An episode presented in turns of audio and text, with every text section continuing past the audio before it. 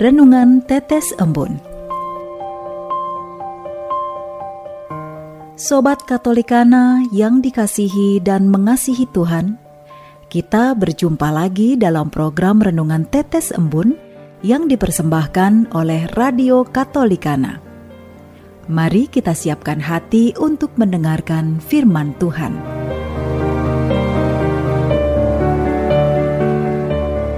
Renungan Tetes Embun edisi hari Sabtu 21 Mei 2022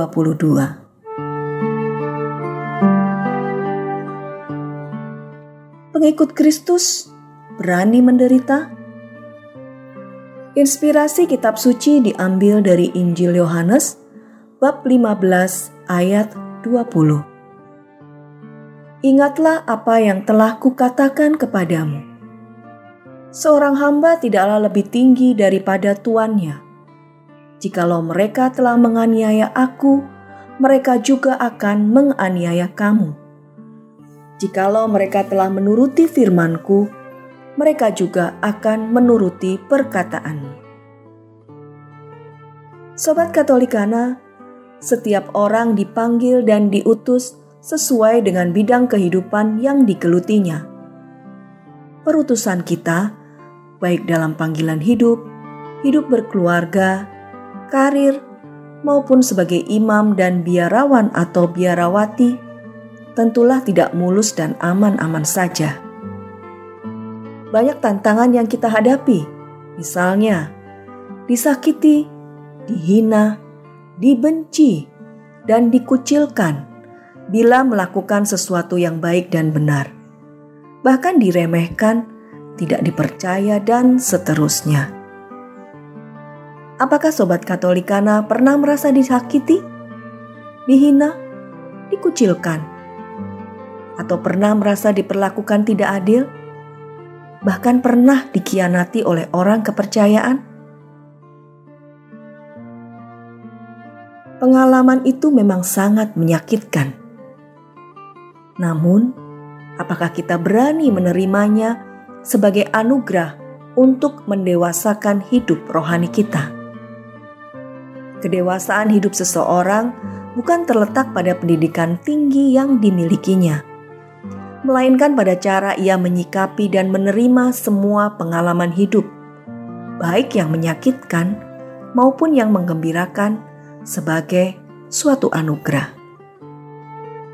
Penderitaan yang kita alami akan tetap menjadi penderitaan jika kita menganggapnya sebagai suatu kesialan, bahkan hukuman, atau sesuatu yang perlu melakukan pembalasan. Tapi akan menjadi berkat dan rahmat ketika kita mau menerimanya demi Kristus dan menyatukan serta menyerahkan apa yang kita alami dalam penderitaan Kristus. Ya, itulah konsekuensi mengikuti Yesus. Kalau Yesus, Guru dan Tuhan kita, mengalami kebencian dan dianiaya, maka kita pengikutnya harus berani juga mengalami hal serupa jika kita menderita, sudah selakyaknya kita alami sebagai pengikut Kristus. Sebab pilihan mengikuti Yesus menuntut perlawanan atas arus dunia secara radikal. Itulah sebabnya Yesus mengatakan, "Seorang hamba tidaklah lebih tinggi daripada tuannya."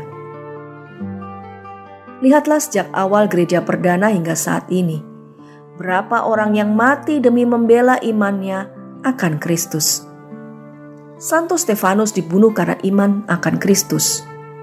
Umat Katolik Jepang pernah mengalami penindasan karena mereka tidak dibolehkan menganut iman Kristiani. Nyawa pun menjadi harga yang harus dibayar demi tetap mengimani Kristus. Di Indonesia atau negara lain juga tidak jarang umat Katolik mengalami perlakuan tidak adil. Semoga kita tidak takut jika kita dibenci, dihina, disakiti karena kita berani melakukannya demi Kristus. Marilah berdoa.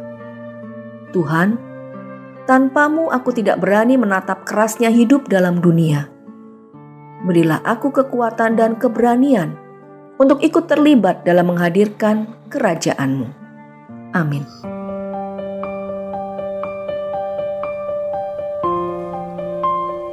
Demikian Anda telah mendengarkan Tetes Embun yang dipersembahkan oleh Radio Katolikana. Renungan Tetes Embun bisa Anda simak di Radio Katolikana, media sosial Radio Katolikana, dan YouTube Katolikana. Terima kasih dan sampai jumpa.